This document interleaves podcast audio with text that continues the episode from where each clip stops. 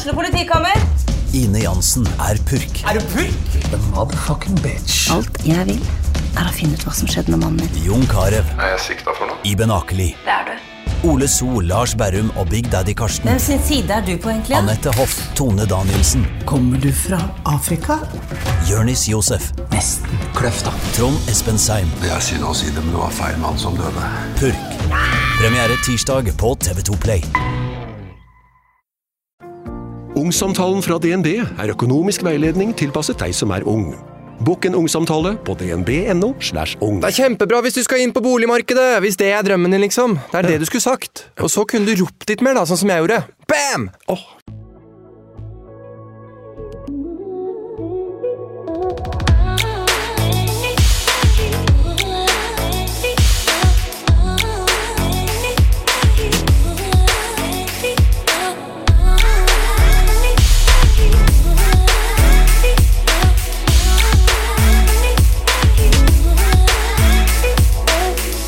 Hei dere! I denne episoden er jeg så heldig å få besøk av Ulrikke Falk. Mange kjenner Ulrikke fra suksessserien Skam. Eh, Noen kjenner henne for hennes engasjement på Instagram, og andre kjenner henne som feministen med de sterke meningene. Jeg vet at Ulrikke har mye på hjertet når det kommer til månedens tema, som er kropp. Men jeg vil gjerne stille henne noen spørsmål, bli litt bedre kjent med henne, og kanskje få enda bedre svar på hvorfor hun faktisk er så opptatt av det. Og mener Ulrikke at en kropp er mer riktig enn en annen? Hei, Ulrikke. Hallo. Hei. Hvordan har du det? Jeg har det veldig deilig. Så bra. Deilig. Deilig. Godt. Ja, Ja. Fint. Mm. Så bra. Skjer det noe spes om dagen? Du har det fint? Jeg faktisk har veldig lite jobb, eh, så det er egentlig bare hver dag er veldig sånn stå opp, få i seg frokost, trene, og så sove på et tidspunkt. Så det er veldig deilig. Så fint. Ja. Du føler liksom at eh, våren har ankommet, Å, og at herregud, ting ja. er bra? Våren, det gjør jo, ja, det gjør jo alt med Det gjør humøret. Fy fader, ja. Ja, jeg vet. Jeg, vi skal jo snakke om kropp, Mm. og det jeg vil spørre deg aller først om, er hvordan forhold har du til din kropp i dag? Jeg har et litt uh, turbulent forhold på den måten at eh, mestringsmekanismene mine og måten jeg dealer med motgang og uh, utfordringer i livet, um, de baserer seg mye på at jeg reagerer med å rette Ja, hvordan skal jeg si det? Mestringsmekanismene mine handler mye om vekt og kropp. Fordi det er sånn jeg har lært meg å ta kontroll og ikke ta kontroll. Eh, Så jeg har et turbulent forhold på den måten, og så har jeg jo jobbet mye med at jeg må finne nye mestringsmekanismer. Men så kommer jo livet og hitter deg hard in the face, og da Da faller man jo tilbake. Og ting, ja. Så det går bra. Men det er jo som alle andre sitt forhold til kropp vanskelig. Ja, fordi du har jo vært åpen om at du har slitt med spiseforstyrrelser tidligere. Mm. Eh, Jeg skal innrømme at det er et tema jeg syns det er vanskelig å prate om, fordi jeg er redd for å si noe feil. Jeg er litt redd for å trigge noen, eh, og kanskje såre noen. Eh, Men jeg syns allikevel at vi skal prøve å snakke litt om det. Fordi at du har jo din historie, og den er jo bare din. Og da er det jo vanskelig at noe kan bli feil. Og mm, da lurer jeg først og fremst på hvorfor ble det sånn den gangen du utviklet eh, spiseforstyrrelser? Jeg tror jeg plukket opp, som så veldig mange andre plukker opp, at vektnedgang er en måte vi måler suksess på. Mm. Vektnedgang er ofte noe vi komplementerer hverandre for, og som er liksom, det er liksom alltid positivt. Til og med eh, når noen får kreft, så er vi sånn Faen, så bra du ser ut. Du har jo endelig liksom gått litt ned i vekt. Og så er det sånn Jeg har kreft, jeg. Så vi, vi har et sånn kjemperart syn på vektnedgang er lik sunnhet. Eh, og så var jo jeg 14 år og ble på en måte mobbet og hadde ting Jeg hadde det vanskelig hjemme, og, og da ble det en mestringsmekanisme. Jeg tenkte at hvis jeg går ned i vekt nå, så kommer ting til å ordne seg. Så kommer folk til å synes at jeg ser bedre ut. Eh, Så kommer jeg til å føle meg bedre. Så jeg var overbevist om at vektnedgang var lik eh, positivitet, på en måte. Hvor gammel var du da? Da var jeg eh, 13. Og hva gjorde du? Jeg begynte vel egentlig bare Og det som også er interessant, var at vennegjengen min hadde veldig mye fokus på det. Så jeg tror alle jentene var litt sånn Hva har du spist i dag? Eller i dag har jeg spist så mye godteri. Eller alle Det ble et tema i vennegjengen, som jeg tror også var veldig usunt for alle oss i vennegjengen. Eh, og så begynte jeg vel å på en måte eksperimentere, for man lærer seg jo eh, måter å gå ned i vekt på. Eh, jeg tror På et tidspunkt så googlet jeg Victoria's Secret Diet. liksom. Jeg var bare veldig mye internett. Veldig mye internett, Fant mye informasjon der. Og så, og så gikk jeg jo ned i vekt, og så klikka jo kroppen totalt. Eh, fordi man ble underernært, og, og da gikk liksom spiseforstyrrelsen videre til bulimi, da. Mm. Så siden jeg var 13, så har jeg liksom aldri hatt noe normalt forhold til, eh, til mat før jeg ble 18-19 igjen, da. Og hvorfor ble det på en måte bedre da? Da jeg var 18-19, nye mestringsmekanismer. Nye Jeg fant annen verdi i meg selv enn det å gå ned i vekt, eller det å se sånn og sånn ut, eller det å identifisere seg med spiseforstyrrelsen. Så Som for eksempel hva da? For meg så handler Og det her har jeg reflektert mye over, um, men liksom ikke Jeg har ikke noe konkret svar. Uh, men å være spiseforstyrret for meg handlet mye om å være svak og liten og feminin og mer, mer jente. Mm, for jeg har um, Var det på Lindmo i fjor? Så sa du noe som jeg kjente meg veldig igjen i. Dette fra gymtimen. Eh, liksom dette med å kaste hardt og være liksom en av de tøffe. Mm. Jeg har alltid vært en sånn selv, og på en måte alltid følt at eh, det har vært litt feil. Jeg har på en måte aldri vært den lille feminine, søte jenta. eh, som det kanskje er forventa at man til en viss grad i hvert fall skal være. Så det husker jeg berørte meg veldig. Mm. Eh, men tror du at det på en måte var en stor grunn til at du ville bli mindre, penere, søtere, flinkere, liksom? Ja, det handler både om det med å være mer jentete, og så handler det om at, som du kanskje også kan kjenne deg igjen i, at når man er sterk, og blir hun jenta som hiver hardt eller som løper fortest, eh, så føler du at det er lite rom for å være sårbar. Så for meg var det på en måte bare å rydde plass. Alle sammen dere må se at jeg ikke har det bra. Jeg er sårbar. Eh, jeg er ikke hun som roper høyest lenger. Men var det på en måte et rop om oppmerksomhet?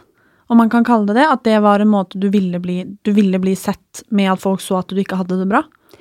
Ja, men fordi det er litt stigmatisert å si at spiseforstyrrelse er et rop om oppmerksomhet, det, det kan man jo på en måte si om mye som skjer i tenårene. Mm. Eh, Men for meg så handler det om at jeg ikke hadde et språk eh, for å be om hjelp.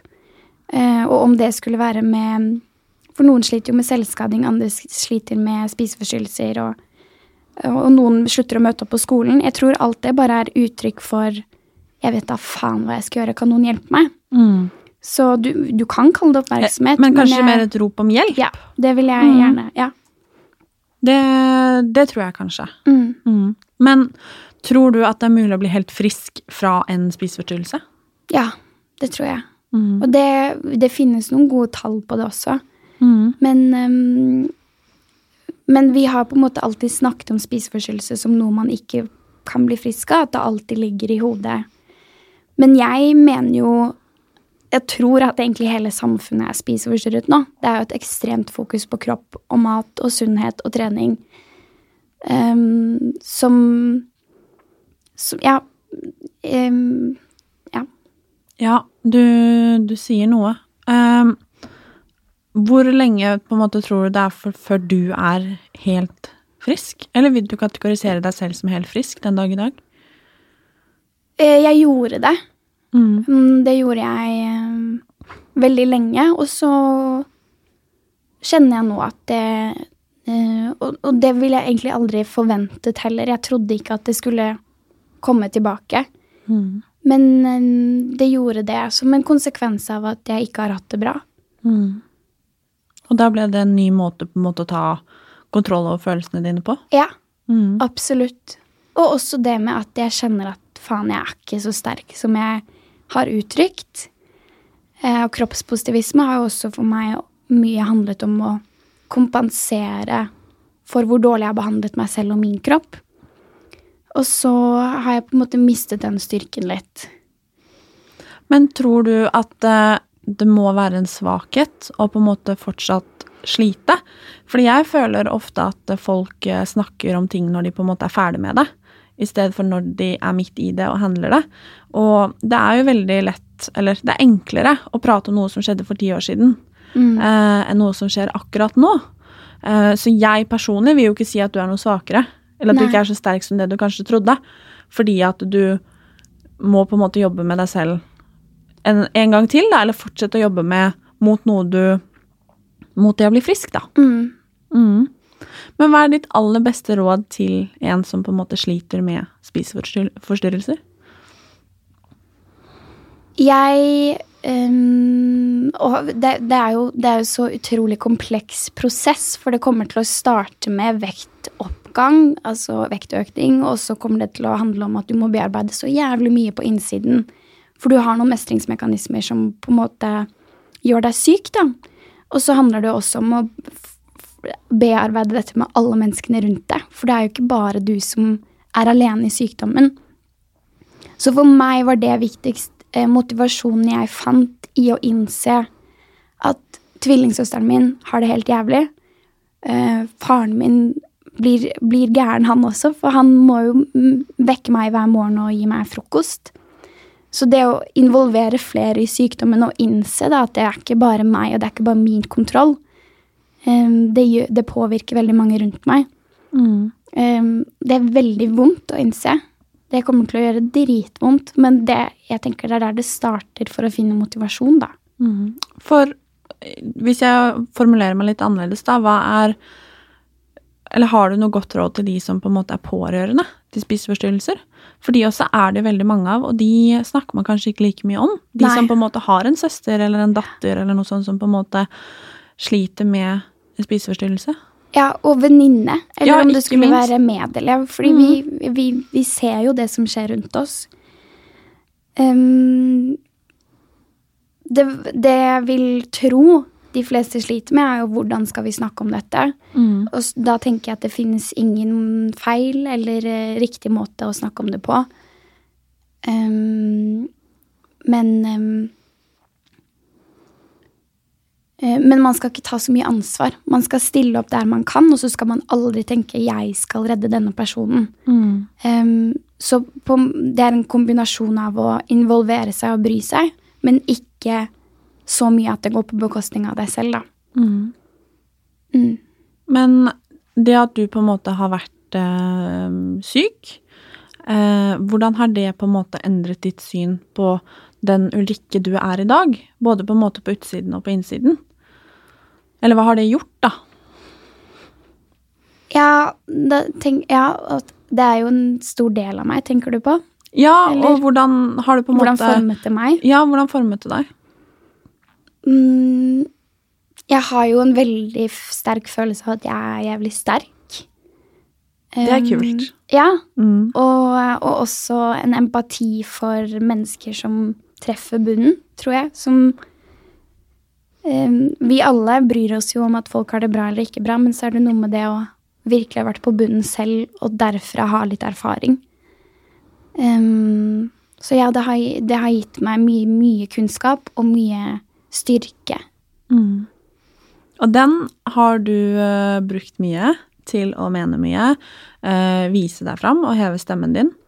Og du har jo også brukt uh, Instagram-kanalen din, som er veldig stor, til å annet poste bilder av deg selv og videoer, der du danser f.eks. i undertøy, og liksom viser fram den kroppen du har, da. Og eh, hva kan man si, hvorfor gjør du? Eller hvor, hvorfor har du på en måte valgt å vise fram den kroppen du har i dag? Jeg tror ikke det handler om å vise frem kroppen. Jeg tror det handler om å bruke og være i kroppen sin og omfavne kroppen sin. Um, og det er der det finnes stor, et stort skille som er ganske vanskelig å, å, å det, det er et skille, men det er vanskelig å skille mellom det. Det å vise frem kropp og det å ha kropp. Ja, for det syns i hvert fall jeg er vanskelig på en måte å forstå. Eh, hvis man tar eksempel du som legger ut en video der du står og danser i trusa og en T-skjorte, liksom, og en eh, Kristine Ullebø. Ja, eksempel Kristine Ullebø som på en måte bruker kroppen sin, eh, eller viser frem kroppen sin på en helt annen måte. Ja. Eller eh, noen som seksualiserer kroppen sin veldig. Eh, og alt er jo i mine øyne et valg. Men jeg syns på en måte det er et vanskelig skille. Dette med hvem har rett, hvem har ikke rett. Og jeg syns det er vanskelig å finne en balanse, på en måte. Sånn som du sier. Selvfølgelig. Ja. ja, og så det er, det er veldig komplisert, og jeg tror nok noe av problemet med hvordan jeg uttaler meg, er at jeg ofte uttaler meg som om jeg vet best, og som om jeg har rett. Og det er jo ikke tilfellet i det hele tatt. Jeg er 22 år gammel og er overbevist om at feminisme vil redde verden. Eh, så, og jeg handler jo og snakker jo ut ifra den overbevisningen.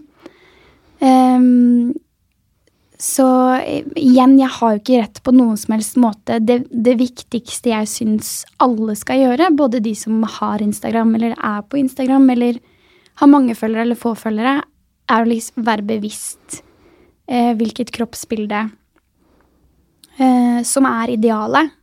Og om vi tør å utfordre det, så vil det ha veldig positiv innvirkning for så mange, tror jeg. Så du mener ikke at eh, en kropp er mer riktig enn en annen på sosiale medier, da? Nei, vise herregud. fram. Men syns du på en måte at det er kjipt at Eller dumt eller teit eller unødvendig, da, for å bruke det ordet, hvis f.eks. en influenser legger ut et seksualisert bilde av seg selv med kanskje et ønske, da, nemlig å få oppmerksomhet for hvordan man ser ut og vise Eventuelt seg fram. selge et produkt. Ja, for eksempel. Mm. Syns du det er eh, teit i forhold til for eksempel Jeg syns det er problematisk, men Mm. det vil jeg jo også på en måte eh, Det vil være problematisk både i, i reklame når det er modeller eller catwalker, eller så er det et veldig tydelig ideal og et konkret bilde av hva som er riktig kropp. Mm. Eh, og den kroppen har ikke jeg, og den kroppen har veldig få som jeg kjenner. Mm. Og alle de har slitt med sitt og sitt kroppsbilde. Så det er vel det Det jeg ja, ønsker å belyse, da. At, um, vi er nødt til å, å utfordre idealet. For jeg syns det er vanskelig, som jeg sa, å finne balanse når det kommer til kropp. Jeg føler at eh, mange syns det er feil om man legger ut bilde av seg selv om man er tjukk.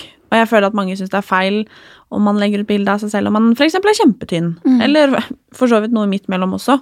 Eh, Jeg føler at samme hvem man er og hvordan man ser ut, eh, så er det noen som syns at man sender feil signaler. Samme hva man gjør. Eh, Og det aller beste hadde vært om vi kanskje ikke var så veldig opptatt av hvordan hverandres kropper så ut, og at folk bare kunne vært som de var. Men syns du det blir for mye fokus på kropp, enten på den ene eller på den andre måten? Det er for mye fokus på kropp, men, men det er ikke noe argument i den debatten. Man kan på en måte ikke si ja, ja, nå blir det for mye fokus på kropp, for vi er der allerede. Og det er ikke noe man stopper bare ved å si eh, oi, det er for mye fokus. Det er noe man stopper ved å bearbeide veldig mye. Eh, blant annet på en måte hvor samfunnet er i dag, og hvilke verdier vi har og tillegger ungdommen. Du skal se bra ut, du skal trene. Du skal det er veldig mye som handler om utseende og hvordan du ser ut utad. Og sosiale medier er jo selvfølgelig med på å forsterke det. Um, men det å vise kropp um, Jeg har ennå ikke kommet fram til noe svar der, men jeg tror kanskje Som du sier selv, det viktigste er vel at det er et valg, og at du har det godt med din egen kropp. Og min mistanke er jo at hvis du har behov for å presse puppene dine opp i haka, eller stå med rumpa opp i været, så har du det ikke så bra med deg selv, fordi du tror at det er slik du skal få bekreftelse. Fordi mange uh, hva skal man si, legitime, legitimerer det, er ikke det man sier så fancy, med at uh, det på en måte er no, Jeg kan jo se at noen legger ut et eh, seksualisert bilde av seg selv, og på en måte forklarer det, eller gjemmer seg bak f.eks. feminisme eller girl power eller Frigjøring av sin egen ja, at, seksualitet. liksom, at det er greit. At de, de har lov til å presse uh, puppene opp i haka, og at de har lov til å skyte rumpa i været. Liksom. At det på en måte er deres måte å vise at de er sterke, selvstendige og, og hva skal man si, at, at de har lov, da. På lik linje som du har lov til å legge ut bilde av kroppen din, og de har lov til å legge ut bilde av kroppen min. Jeg kan jo på ingen måte fortelle noen hvordan de skal frigjøre seg selv og sin egen seksualitet, eller ha godt forhold til sin egen kropp. Det vil jo alle eh, Alles reise der vil være annerledes. Um, Så jeg snakker jo egentlig bare ut av egen erfaring at hvis, hvis den dagen jeg begynner å legge ut bilder som er veldig kroppsfokuserte, så er det utelukkende et symptom på at jeg ikke har det bra med meg selv. Eh, Og sånn trenger det jo ikke å være for alle. Og det skal jeg ikke pålegge noen heller. Men um, min teori, der jeg er i livet og slik jeg ser verden, så tror jeg at det ville vært en fordel om flere jenter eh, bidro til mindre kroppsfokus ved å kanskje ikke legge ut like mye bilder som, som vi gjør nå. Mm. Men tenker du, for jeg kan av og til eh, Jeg er på ingen måte noe A4 eller perfekt eller eh, en typisk Instagram-jente. Og jeg kan av og til legge ut bilde av meg selv der, jeg, eh, der man f.eks. ser magen min, eh, valkene mine. Det er ikke noe sixpack. Det er på en måte ingenting som på en måte vi egentlig har lært opp til at har noe på Instagram å gjøre. Men er det Jeg syns det er veldig vanskelig selv, fordi jeg syns at jeg har like mye rett til å på en måte være stolt av min kropp og vise fra min kropp som hvem som helst annen.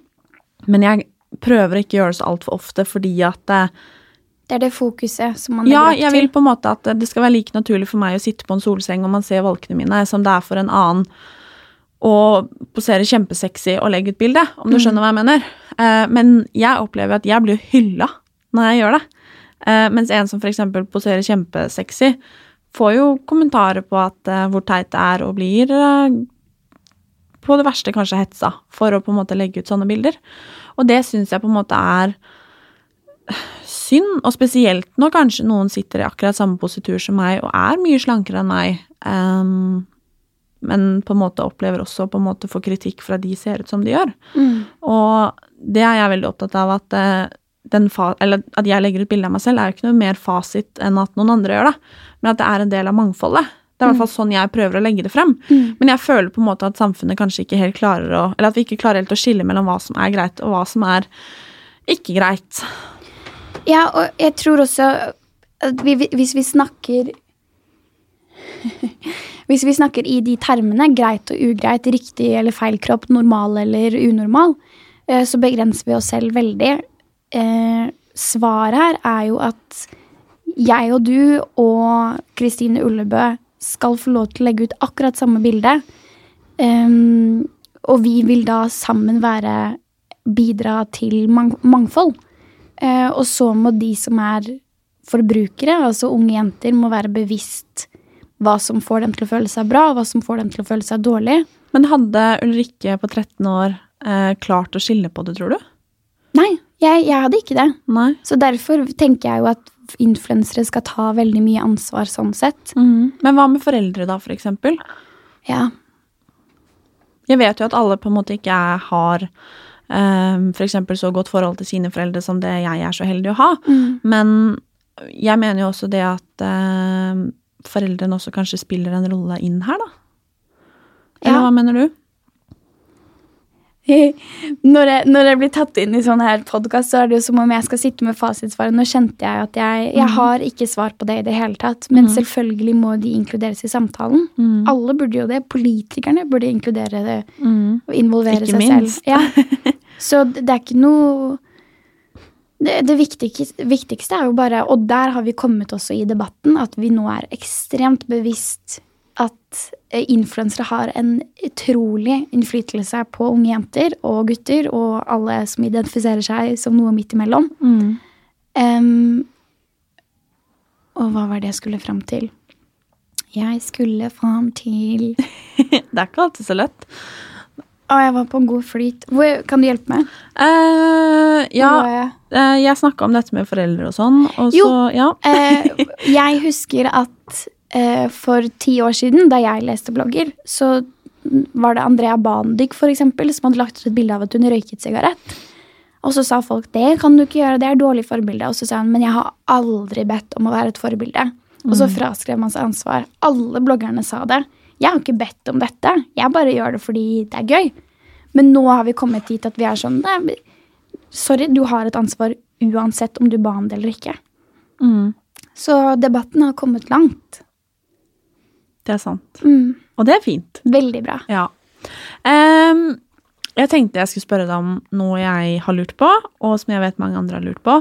Fordi i høst så ble du eh, sammen med Henrik Hei, hei, hei. fra Ex on the Beach. Ja.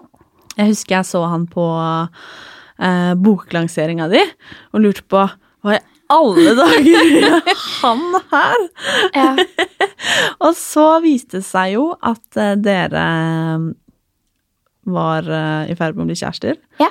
Og så plutselig var dere kjærester. Mm. Og da kan vi si at det storma ganske greit. Mm. Eh, og du ble kalt både hyklersk og dobbeltmoralsk, og media gikk berserk, og Instagram Jeg husker at det bare Shit.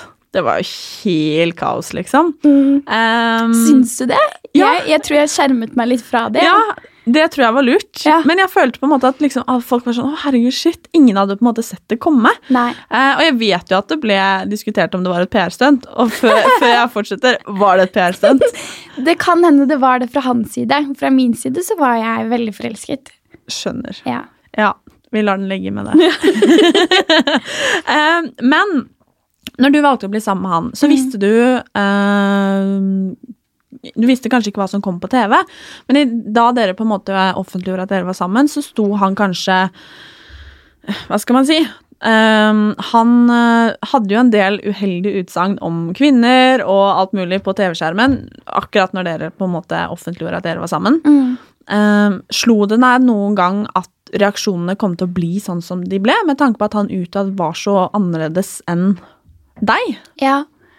Jeg tror mye av ehm, Det som var vanskelig i, i det forholdet, var jo at vi hadde personer, på en måte personligheter utad, og så hadde vi personligheter der han og jeg møtte hverandre. Og eh, veldig lenge så satt, brydde jeg meg mest om hvordan det var mellom han og meg. Jeg tenkte at eh, det var det viktigste, hvordan vi forholdt oss til hverandre. Eh, og så etter hvert så ble det jo veldig vanskelig, for han eh, han var så veld, Det var så veldig store forskjeller mellom hvordan han behandlet meg, og hvordan han var utad. Um, og, men, men da var jeg på en måte så i det forholdet at jeg tenkte det er noe jeg må stå i, og det er noe jeg har bevisst gått inn i. Ehm, og så syns jeg det var vanskelig også at jeg skulle forsvare det at jeg var forelsket. For det, jeg er jo eh, Selv om jeg er feminist med sterke meninger, så er jeg jo også bare Ulrikke som har lyst på en kjæreste og lyst til å bli godt likt. Så jeg ble, befant meg liksom midt i en sånn veldig rar eh, Et rart Ja, veldig stort kontrast. Veldig mye kontrast i ja. Ja, fordi han var jo liksom eh, sånn kjekkas, godt trent, tynn, han var brun, han var liksom For mange så var han sikkert et stort ideal, da. Um, og jeg tror jo kanskje folk liksom Kroppsideal, tenker du? Ja, kroppsideal. kroppsideal. Uh, på en måte hvordan han så ut. Uh, og jeg tror at mange liksom da mente at det, Nei, men du som sto for det du sto for. Hvordan eh, kunne du bli sammen med en som sto for det han sto for? Mm. Eh, og det var jo litt festlig, fordi de tok jo på en måte dine meninger og satte de opp mot Henrik sin kropp. Ja. Og det er jo litt festlig. ja. Men um, var du bevisst på det? Eller var ikke det noe du tenkte på? Jeg øh, tenkte på det, men hadde nok veldig sånn klare meninger om at øh, hvis noen forventer at jeg skal bli kjæreste med noen som ser ut på en spesiell måte pga. hvordan jeg har uttalt meg, eller pga. meningene mine, øhm, så skal jeg faen meg ikke finne meg i det. For det Jeg ble til Jeg, jeg er blitt som offentlig person, så jeg er blitt tillagt veldig mye meninger. Og jeg snakket med Grunde for eksempel, her om dagen, som sa at han syntes jeg var altfor politisk korrekt. Og sånn jeg kjenner meg selv, så er det jo bare sånn Hæ, nei, jeg, jeg er jo en idiot, liksom. Men jeg får jo ikke vist de nyansene i offentligheten når jeg stiller opp i debatt eller legger ut et Instagram-bilde. Um, så jeg var egentlig bare veldig sånn fast bestemt på at faen, det her Hvis folk skal skrive kronikk om hvem jeg får være kjæreste med eller ikke, så skal jeg mm, i hvert fall bevise for dem at jeg tar mine egne valg og står for dem og Ja. Og det er jeg jo for så vidt enig i. Mm. Det er jo som du sier, det er litt rart når folk skal begynne å på en måte mene noe om hvem du er forelska i. Spesielt når du på en måte er 22 år, og du på en måte er, er bare Ulrikke også. Mm.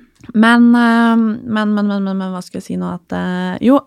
Eh, og så ble det jo slutt. Mm. Og tror du at det kan ha hatt mye med hvordan du ser på din kropp den dag i dag? Det forholdet? Ja, absolutt, men, men det handler jo ikke om Ja, eller svaret er ja. Kom med et oppfølgingsspørsmål. Ja. Ja. Ja, fordi at eh, med tanke på at du eh, var veldig, som du sa i stad, du var på et veldig fint sted.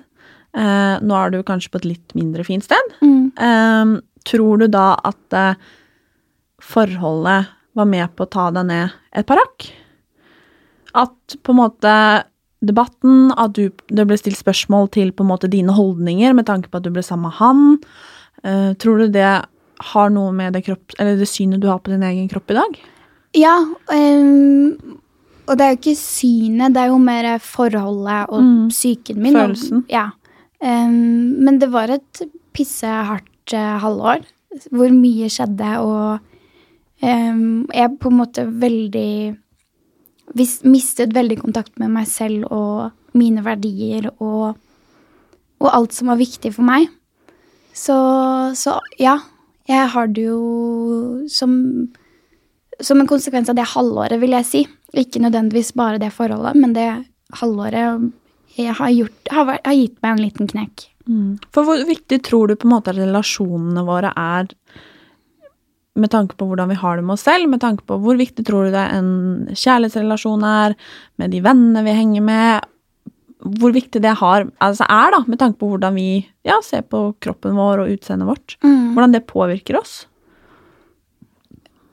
Jeg har jo ikke svaret der, men som jeg mm, kjenner selv med meg, er jo at eh, man blir kjempepåvirket. Eh, man, eh, man speiler seg jo i menneskene rundt seg, så deres verdier og deres Eller måten man snakker sammen på, måten man er sammen på, vil jo være avgjørende.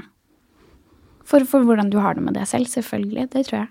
Hvor bevisst er du på det, sånn eksempel med dine venner, eller med søsteren din, eller familien? Hvordan er du opptatt av hvordan du snakker om din kropp? Jeg snakker egentlig ikke om min kropp. Jeg snakker aldri Jeg syns um, Jeg syns det er litt vanskelig. Uh, på en måte sånn jentefors hvor man står foran speilet, og så sier man 'Å, denne skal jeg ha på meg, denne, eller skal jeg ha på meg den'. Uh, for meg har det aldri vært noe fokus. Og også eh, se på babyhårene mine, eller 'Å, nesen min', eller 'Å, så mye kviser jeg har'. For meg er det bare ikke en del av samtalen, for det, er uinteressant. Og det er Jeg vet jo med meg selv at hvis jeg begynner å snakke om det, så er det jo fordi jeg har, det vanskelig med det, og da burde jeg jo heller ta det opp som noe jeg har det vanskelig med, istedenfor noe som er trivielt og eh, i sammenheng med at jeg sminker meg på morgenen. For tror du at eh, komplekser smitter? Hvis for eksempel tre venninner da står sånn foran speilet, og så sier liksom 'Å, se på, ja, se på nesa mi', eller 'Se på 'Herregud, jeg ville fiksa dette og dette og dette'. Tror du det er med på plantekomplekser hos andre? Det trenger ikke å være konkrete komplekser, men det kan være fokus i seg selv. Hvor, hva samtalen handler om. Hvis, det kjenner man seg sikkert igjen i at hvis eller en jentegjeng man henger med, kan være veldig opptatt av å baksnakke eller snakke om andre mennesker eller ting som har skjedd. Eh, Og i en annen setting med andre venner så vil du snakke om verdier og ting du bryr deg om. Så det er jo, det er jo fokuset, da, som man legger opp til i samtale med de man er i nær relasjon med. For det har jo vært mye snakka om dette med plastisk kirurgi eh, en god stund, og kanskje spesielt eh, nå i det siste. Og jeg lurer på, har du noen gang vurdert å liksom fikse på noe med deg selv? Da jeg var på mitt sykeste, så eh, lette jeg etter operasjoner for å forlenge knærne mine. Eh, for jeg har, har hatt komplekser for eh, beina mine. Eh, så det var noe jeg søkte på, typ som forlengelse av knær. Det finnes dessverre ikke. Eller det, heldigvis. Men så det, er det, det er den eneste gangen jeg har vurdert å operere noe som helst. Jeg tror det var lurt å stå over. Ja.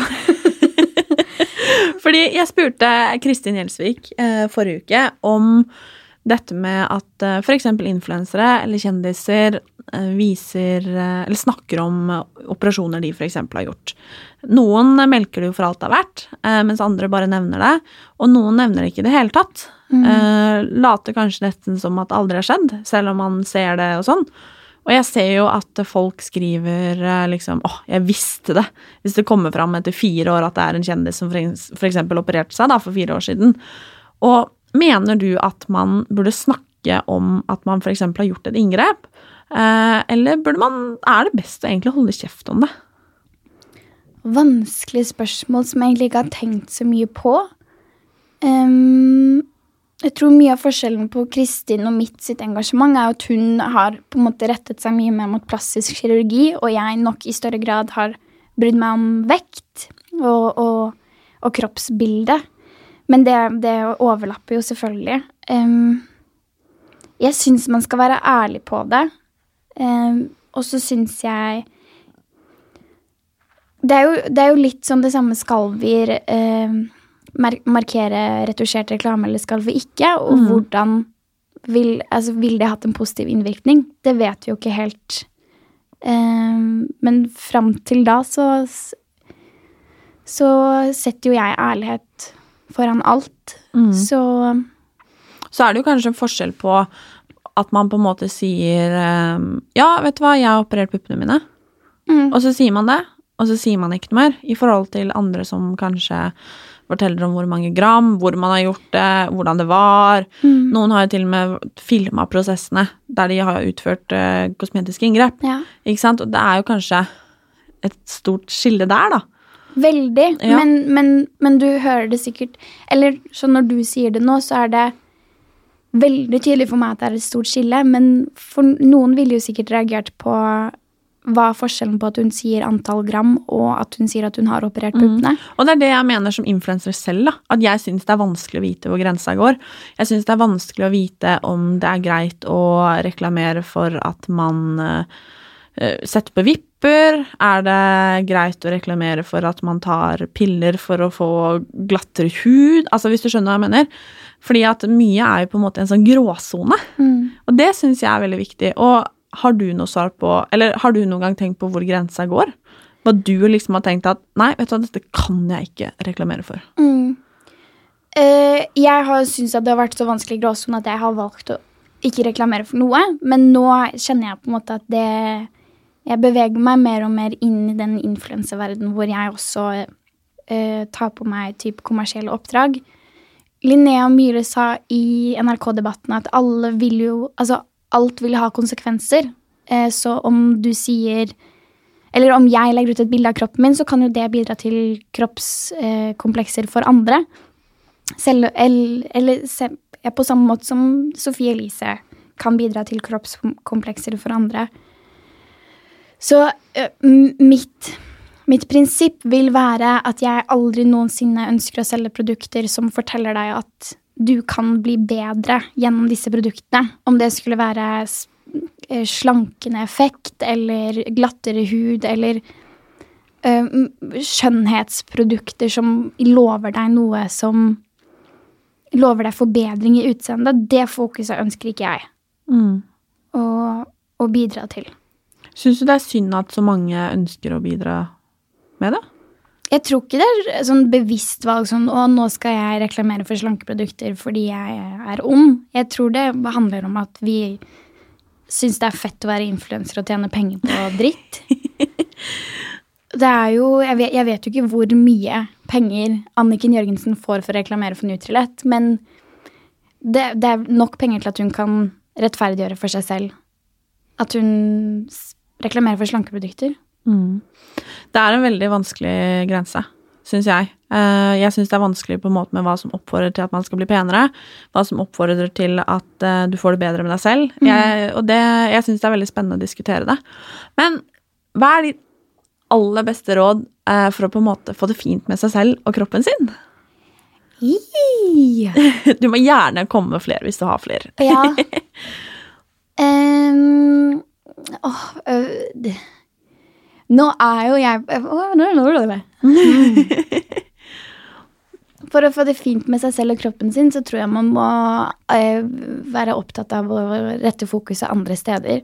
For meg har det handlet om å engasjere meg for ting, eller em, bidra i debatt, eller em, ta ta stilling til forskjellige Ja, nei, bare det å engasjere seg for meg og bry meg om noe som er større enn meg selv og min kropp, det har, det har gjort at jeg har det mye bedre med meg selv og finner mye mer verdi i ting som er viktig for meg, da, og ikke utseendet mitt.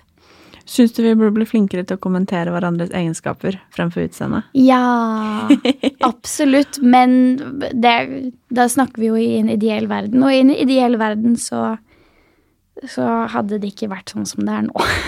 Eller, så den, den ideelle verden skulle sett veldig an. Da er det mange ting vi skulle fikset, eh, kunne vært bedre på. Ja, og hvis du kunne liksom innført en lov, da, eller hvis du kunne liksom fått en endring i dag, hvilken endring ville du gjort eller utført? Eller hva kunne du ønska deg, liksom? Som gjorde at du Eller noe som du tror at hadde gjort det bedre for oss? Eh, veldig godt spørsmål, og også noe jeg ikke på en måte tør å svare på. For jeg har jo svart på dette med f.eks. Sunn fornuft-plakaten i debatten 8. mars eh, 2018. Mm. Nei, 2017 var det. 2017, 2017. var det det? Nei, 2018, Nei, 2018. var Ja, det. jeg 2018 jeg tenkte så lenge siden er det ikke. Det er litt sånn skummelt å bevege seg innenfor lovendringer og ju, juridiske endringer. Så jeg tror kanskje vi, jeg ville startet med at vi fikk mye mer informasjon om dette på skolen. Mm. At vi lærte oss mye mer om dette på skolen. Um, hvordan bilder påvirker oss, hvordan sosiale medier påvirker oss. Det er bare et større fokus på de ekstreme inntrykkene vi opp, opplever hver eneste dag. Og apropos fokus. Jeg syns jo det er eh, litt morsomt eh, at eh, Eller morsomt syns jeg ikke det er. Tragisk trist. Ja. At vi er mer opptatt av hvordan kroppen ser ut, enn hvordan den på en måte fungerer. Og at det liksom Ja, det er, ligger jo litt i det at det nesten er verre å være tjukk enn slem. Ja. Eh, så jeg har eh, et par fleip- eller fakta-spørsmål til deg Okay. om hvordan kroppen Eller fakta eller fleip eller fakta om kroppen, da. Uh. Som er litt morsomme. Um, som ikke handler om utseende. Gøy. Du klar? Smart. Jeg er Ja. klar. Mennesket er det eneste dyret, om man kan kalle oss det, ved siden av aper på planeten som har seks ansikt til ansikt. Nei, ja. I fakta? Ja, Ja. det er fakta. Herregud! Tenk på det. Vi er det eneste sammen Som med liksom ser aper som ser på hverandre. Ja. Åh, Lite personlig på disse andre. Ja. ok. Jo, men eh, tilleggsfakta. Vi og delfinene er de eneste dyrene, om man kan kalle oss det, som har sex for nytelsens skyld. Apropos delfiner. Mener du det? Ja. Jøss. Fleip eller fakta, Martine? uh, fakta? Ja. Jøss, det har jeg aldri tenkt på.